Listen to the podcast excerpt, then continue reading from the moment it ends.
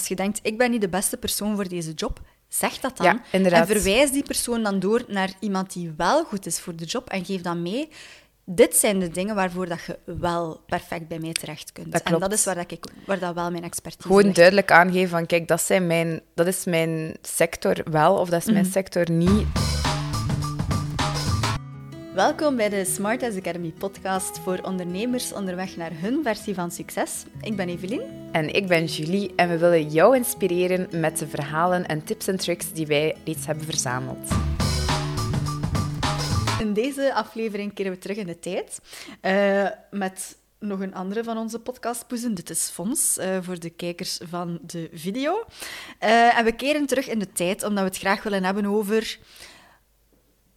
Als we aan onszelf advies zouden kunnen geven op het moment dat we begonnen met ondernemen, wat zou het zijn? Heb jij zoiets? Ik denk dat er heel veel, eh, heel veel stof is tot nadenken. Ja. Ik ben blij dat je stof zegt en geen een beerput. maar eh, ja, zeg maar. Ehm, ik denk dat een van de zaken dat ik mijzelf zou adviseren als ik ehm, zou starten, allee, terug zou gaan naar mijn startjaren, is eh, onmiddellijk aan de, aan de juiste prijs werken. Ja, Niet zo vanuit het idee van, ik ben nog maar net begonnen, ehm, ik ga wat lager tarief nemen, hè, want ik, ik, moet nog, ik, moet, ik heb nog geen, ja, geen badge of honor verdiend. Ik denk dat dat een van de dingen is, want het moment dat je dan hè, eigenlijk ja, beseft dat je dan eigenlijk toch onder de prijs aan het werken Ja. bent, als je dat dan wil optrekken, dan is dat toch wel moeilijk. Ja. Dat is waar. Je kunt niet zomaar je prijs maal twee doen. hè? Dus van de eerste keer genoeg vragen is wel belangrijk. Ik merk dat ook heel vaak, ehm, allee, vanuit mijn rol als accountant dan, Ja, dat bijvoorbeeld zelfstandigen die starten in bijberoep vaak het idee hebben dat zij ook wat minder kunnen of moeten vragen. Ehm, maar het probleem is dan als je dan die overschakeling maakt naar hoofdberoep, uiteindelijk, uw, uw, uw werk verandert niet. Hè. Uw, output verandert er niks, verandert ja. niet. Dus als je, allee, werk gewoon onmiddellijk aan de correcte prijs, aan de prijs dat je zelf waard bent, Mhm. um, al dat je werk waard is, de, de waarde dat iemand wil betalen voor je werk. En verminder dat niet op basis van het feit van ik ben bijberoeper of ik ben nog maar net gestart. Of eh, echt gewoon je prijs bepalen op basis van je waarde. Ja. Ja, supergoed advies. En ik denk, denk zelfs niet alleen voor ondernemers die starten, maar ik denk dat er ondernemers die, die al vijf Ja, of zelfs tien ook. jaar bezig zijn, nog aan een veel te lage, lage prijs Ja, Dat is inderdaad een oefening dat je regelmatig best eens doet. Misschien bij het begin van een nieuw jaar of zo. Mhm. Een keer nagaan of dat je, je verkoopprijs of, of uw- de prijs wat dat jij vraagt aan je klanten, dat die eigenlijk nog overeenstemt. Enerzijds ook met de kostenstructuur dat je op dat moment dan Mhm. ook hebt, maar ook met, met betrekking tot de marktwaarde en, en hoe dat jij jezelf profileert. Ja, en ook met je doelstellingen. Hè.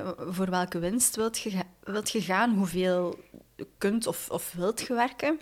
Eh, Dat zijn allemaal dingen waar dat je rekening mee moet houden. Als je het dan ook verder opentrekt dan enkel je, je cijfers, maar ook Ja. hoe wilt je dat je leven eruit ziet. En als je iets verkoopt en het is amper winstgevend, eh, dan is de kans klein dat je win- winstdoelstellingen gaat halen. Hè. Dat klopt.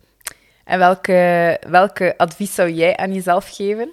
Ehm, ik zeg dat al heel lang, maar vooral neem alsjeblieft een goede boekhouder. Want ehm, alleen mijn eerste boekhouder was een heel sympathieke mens, maar die was niet thuis in alles wat dat auteursrechten betreft. En aangezien dat ik bezig ben met videoproducties en ook wel als regisseur op set sta, is dat wel een heel belangrijk aspect van wat ik doe. Ehm, en daar, ik, ook al had ik daar een paar keer naar gevraagd, dat werd zo wat afgewimpeld of, of onder tafel geveegd. En daardoor heb ik heel wat financiële kansen gemist. En allee, heel concreet is er heel veel geld dat nooit op mijn privérekening is terechtgekomen, dat er wel had moeten staan en dat in de plaats daarvan naar de belastingen is gegaan. Dus dat, dat pikt wel natuurlijk om dat achteraf te beseffen. Dus voor mij is dat nu wel een rode vlag. Ik wil, ik wil met mijn boekhouder kunnen bespreken waar dat ik mee zit. Ik wil daar alles tegen kunnen zeggen. En ik wil ook dat als ik met een vraag kom, dat dat serieus genomen wordt. En dat niet is van, ja, ja, ja, ja, ja, ja, ja, het is goed, het is goed, het is goed. Ja. Maar dat, daar wel, dat dat wel echt deftig bekeken wordt. Ehm, dus een goede boekhouder verdient zichzelf terug, maar je moet er ook een goede verstandhouding Ja. mee hebben. En, ehm, Dus het advies dat je eigenlijk wil geven is, als je het gevoel hebt dat er geen goede communicatie of geen goede connectie is met de boekhouder, kijk eens rond, luister eens rond. Ja, ja, en ga praat erover met andere mensen, op, Ja. op zijn minst. Hè. En, En zeker zoek een keer. boekhouder die thuis is in uw sector. Ook, ja. En, maar zelfs al is die niet thuis in uw, in uw sector, dat, die zich dan, dat je dan weet dat hij dat, mag, hij zich dat hij dat moet informeert. aangeven. Ja, dat vind Ja, ik ook wel voilà. zeker en vast Voilà. belangrijk. Dat klopt. Heb jij nog dingen die je wilt delen? Ehm, als ik terugkijk naar mijn beginjaren, dan weet ik dat ik ehm, te lang op alles ja gezegd heb. In de zin van, ik, durfde, Ah. ik weigerde nooit een klant, Mhm. eh, ik weigerde nooit een opdracht. Dus ik, ik zei gewoon ja op alles wat, wat aan mij voorgeschoteld werd, gewoon om zeker te zijn dat ik allee, genoeg werk had. Hè, want ik ben gestart als freelance, Ja. allee, boekhouder ook. Ik werkte gedeeltelijk voor een kantoor, maar ook gedeeltelijk voor eigen klanten. Mhm. En bij die eerste eigen klanten heb ik vaak ja, types klanten aanvaard waarvan dat ik dan achter, allee, waar ik bij het begin zo wel het gevoel had van ja, dat, dat klopt hier eigenlijk Mhm. niet zo. Of, of dat, dat, dat, dat is niets waar ik echt in thuis ben. Maar dan geen nee durven zeggen. ehm, vaak een beetje onder druk laten zetten ook. Mm. En wat ik ook ehm, vaak dan deed, was eigenlijk gewoon andere mensen mijn agenda laten bepalen. Ja. Oh, ah, maar dat is ook allemaal zo herkenbaar. Hè? Ook zo het, het niet nee durven zeggen. Ik, ik voelde mij schuldig als ik een klant afwees. Terwijl, ja, dat heb ik dan ook met, met pijnlijke lessen moeten leren. Als je denkt, ik ben niet de beste persoon voor deze job, zeg dat dan. Ja. En verwijs die persoon dan door naar iemand die wel goed is voor de job en geef dan mee. Dit zijn de dingen waarvoor dat je wel perfect bij mij terecht kunt. Dat en dat is waar, dat ik, waar dat wel mijn expertise Gewoon ligt. duidelijk aangeven van, kijk, dat, zijn mijn, dat is mijn sector wel, of dat is Mhm. mijn sector niet. Dat zijn dingen waar dat ik zelf heel veel ervaring mee heb, maar dat zijn zaken waar dat ik niet zo in thuis ben. Mhm. Voor die zaken ga ik beroep doen op iemand anders. Dat is ook iets wat ik nu de laatste jaren ook doe.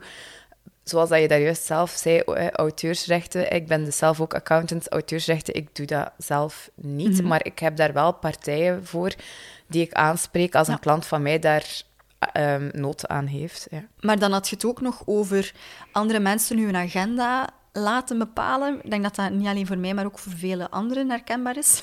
Ja, ik was in het begin ja, echt continu bereikbaar. Hè. Mm. Theorie van 7 uur s morgens tot 10 uur s avonds. ja, ja. Via ehm, berichten, via messenger, via e-mail, telefoon. Allee, dus ik was zo 100% bereikbaar en ik antwoordde continu. En weekenden of feestdagen, dat doet er niet toe. Ik, wou zo, ik had het gevoel van, ik moet altijd klaarstaan voor mijn klanten. Maar eigenlijk, ja, later is dan ook het besef gekomen, ik ben boekhouder, ik ben geen spoedafdeling, ik ben geen brandweer. Ehm, ik denk niet dat er iets is om tien uur 's avonds dat zo belangrijk is dat daar op dat moment op gereageerd moet worden. En ook zeker wanneer dat ze zelf iets twee weken in brand laten staan en er dan pas na twee weken mee Ja. bij u komen en verwachten dat jij het Wel, voor hen dan maar het oplost. probleem is dat je dus in het begin dan onrealistische verwachtingen creëert over antwoordtermijnen. Het- En dan wordt het moeilijk. hè. En dat is zeker zo met social media en met zo Mhm. alles dat rap, rap, rap moet gebeuren, de rat race, hè, is dat nog verergerd, denk ik. Het, het is niet oké om binnen het half uur te antwoorden op een e-mail, want je bent in theorie toch wel bezig met iets, allee, met een, met een bepaalde taak te, doen, veronderstel ik. Ja, dat lijkt zo soms alsof dat mensen ervan uitgaan dat je niets anders te doen hebt en dat je erop zit te wachten Nee. dat ze je bellen om tien uur. Dus voor mij is dat een duidelijke nieuwe grens geworden. Mhm. Zeker dit jaar, maar ervoor ook wel al gewoon realistische verwachtingen scheppen over antwoordtermijnen. Ehm, binnen de 48 uur antwoorden op een e-mail is volgens mij een acceptabel antwoordtermijn. Ja, En zeker en vast ehm, ja, vrije tijd respecteren. Ik vind het ook heel belangrijk dat je mensen niet contacteert tijdens hun verlofperiodes Mhm. of s'avonds. Gewoon u houden aan de gegeven tijd en ervan uitgaan dat die tijd voldoende is om correct samen te werken. Dat vind ik een eh, heel nobel doel. Dat is inderdaad een nobel doel. En in het algemeen ook om, om te streven naar dat mensen hun grenzen respecteren, is een heel nobel doel. En we, ik denk dat we dat nu wel aan het zeggen zijn van, ah, had ik maar. Maar ik denk ook niet dat dat realistisch is om van jezelf te verwachten dat je van in het begin al die dingen al weet of kunt. Ik denk dat dat iets is dat, dat moet groeien. En ik denk dat dat ook helemaal oké is, dat in de loop van van je ondernemerschap dat je grenzen veranderen en dat jij ook verandert als mens en dat die gewoon ja, dat dat meegroeit met u als, als persoon en dat dat helemaal oké is. Ik denk dat het gewoon belangrijk is om stil te staan bij waar heb ik nood aan, waar ligt mijn grens? En hoe zorg ik ervoor dat ik er duidelijk over communiceer, om ervoor te zorgen dat mensen mijn grenzen ook effectief respecteren. Over grenzen gesproken, dat gaat ook over je eigen allee, grenzen respecteren Mhm. dus. En bij mij was dat dan ook zoiets in het begin dat ik zelfstandig was. Dan vond ik dat ik ook op zaterdag en zondag moest werken of moest bezig zijn. werkt altijd, Ja, hè. inderdaad. En, ehm en s'avonds... Ja, dus ik, ik had zo op een bepaald moment het gevoel dat ik gewoon continu achter mijn bureau zat. Mhm. En als ik al niet op mijn bureau zat, dan was het wel via mijn telefoon of mijn iPad dat ik Mhm. met iets of wat bezig was. En tot een bepaald... Allee, totdat dat tot een bepaald punt komt dat dat zo niet verder kan. Hè. Dat je voelt Mhm. dat je dat lichamelijk en mentaal... dat je jezelf gewoon aan het uitputten bent. Ja. Dus dat is zeker iets wat ik ook aan mijn eh, startende zelf zou zeggen, is ehm, een weekend. Iedereen heeft dat nodig. Niet alleen, allee, ook als je zelfstandig bent, je, je moet echt wel tijd nemen om even te ontkoppelen van je zaak, want je kunt daar inderdaad continu mee bezig zijn. Mhm. Dus wat, dat is wat, iets wat ik nu heel bewust doe. Zondagen, dat is echt een no-go op vlak van werken. Mhm. En zaterdagen zijn optional. Dus ik, ik kies wel zelf van wil ik werken of, of wil ik niet werken. Daar Ja. zit het ook hè, in de keuze. Natuurlijk moogt je dat doen als je dat fantastisch leuk vindt om te werken op een zaterdag. Gaat ervoor, hè? maar het gaat, ik denk dat het ook vooral gaat over rust zien als een belangrijk onderdeel. Ja, en ik misschien als even ook. belangrijk als het Ja. productieve werk doen. Want je hebt die tijd nodig om ook vooruit te geraken. Gewoon je energie terug te vinden en je Mm. inspiratie ook. Je, allee, gewoon je goesting om te werken, te blijven behouden, moet je af en toe echt Mhm. niet werken. Ja, en ik vind dat... Ik moet zeggen, ik vind dat wel nog altijd echt heel moeilijk. Eh, Ja. Vooral het voorbije jaar ben ik daar enorm veel mee bezig geweest. Ik voelde mij schuldig als ik in de zetel ging zitten om niets te doen. Wat dat absurd is, maar ik, had daar, ik heb daar wel heel lang last van gehad en ik heb dat nu soms nog altijd. Maar ja, en, en dat is dan zo... Op den duur zit je gewoon constant bezig en, Ja. en weet je niet meer waar dat je naar... Want je bent precies kip zonder kop heel de tijd bezig en je kunt nooit niet meer uitzoomen, nooit niet meer nadenken over wat wil ik eigenlijk, want je blijft heel de tijd in een rat race zitten. Ja, het is soms ook niet gewoon letterlijk werken. Je kunt ook perfect in Bezig zetel zitten en in je Ah, ja. hoofd er nog mee Ja. bezig zijn. En dan moet je het ook proberen uit te schakelen, dat je niet continu allee, terugvalt naar, ah ja, ik moet dit nog doen. Of allee, het gewoon Ja. kunnen loslaten af en toe is echt belangrijk. Ja, en dat is iets... eh, ja, dat ik, ik moet dat toegeven, ik ben daar nog altijd Wel, echt dat is bij gewoon. alle dingen dat we zo net opgesomd hebben. Dat zijn zaken die we onszelf aanraden. Ehm allee, onze startende zelf aanraden. Maar het ene zij- zijt je al wat meer in gewoon of wat meer in getraind dan het Ja. andere. Maar het blijft wel een, een oefening. En het wordt ook soms nog getriggerd. Hè. Er zijn nog altijd mensen die proberen om mij s'avonds Mhm. te contacteren voor iets wat dat absoluut wel kan wachten tot de volgende Mhm. dag. Of, of allee, er zijn altijd situaties of mensen die je triggeren of die, allee, die, die je testen. Ehm, maar het is, het is dan aan jou om, om daar allee, sterk in te staan. Ja. Ja, de test, hoe goed is deze grens echt? Ja, inderdaad. Ja. Maar dat, dat is iets dat je daarnet zei, dat ik ook wel heel, heel belangrijk vind. Dat je, ehm, je moet je grenzen bewaken naar andere mensen toe, maar ook Ja, naar voor jezelf. jezelf. hè. hè. Als Dat je zelf heel de tijd over je limiet gaat en dan er volledig Ja. over gaat en dan twee weken moet recupereren, dat is ook teken dat er iets niet juist zit Nee. en dat je ook je eigen grenzen niet respecteert of Ja. niet luistert naar je lichaam. Dat Dat, is ook niet klopt. de bedoeling. hè. Dus als we deze podcast samenvatten, één, begin onmiddellijk met de juiste prijs. Ja. Twee, neem nu een goede boekhouder. Drie, zeg niet op alles zomaar ja. Denk goed na welke opdracht of welke klant dat je aanvaardt. Ehm, denk dat een andere ook was, respecteer uw eigen agenda. Allee, of laat anderen uw agenda niet voor u bepalen. En dat zal dan ook een beetje samenhangen met, zorg ervoor dat anderen uw grenzen respecteren, maar dat je ook uw eigen grenzen respecteert. En vooral neem ook rust, want rust is even belangrijk om goed te kunnen presteren. Dat vind ik goed gezegd. En dan eh, stel ik voor dat we bij deze afronden en iedereen bedanken voor het kijken en het luisteren. En dan zien we jullie super graag terug eh, in onze volgende podcastaflevering of in de tussentijd op uh, sociale media, at Smart Academy op Instagram bijvoorbeeld. Tot dan!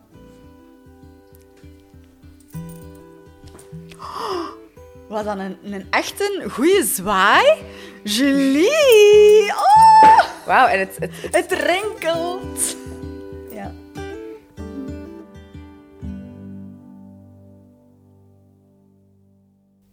Hallo? Nee, hallo zeggen we in het andere stuk. Welkom. Nee, welkom zeggen we ook in het andere stuk. Dus als we het samenvatten. Nee. nee? Nee, nee, nee, nee. nee. Amen. Ik ga dat anders doen. Ik zal van de eerste keer afronden.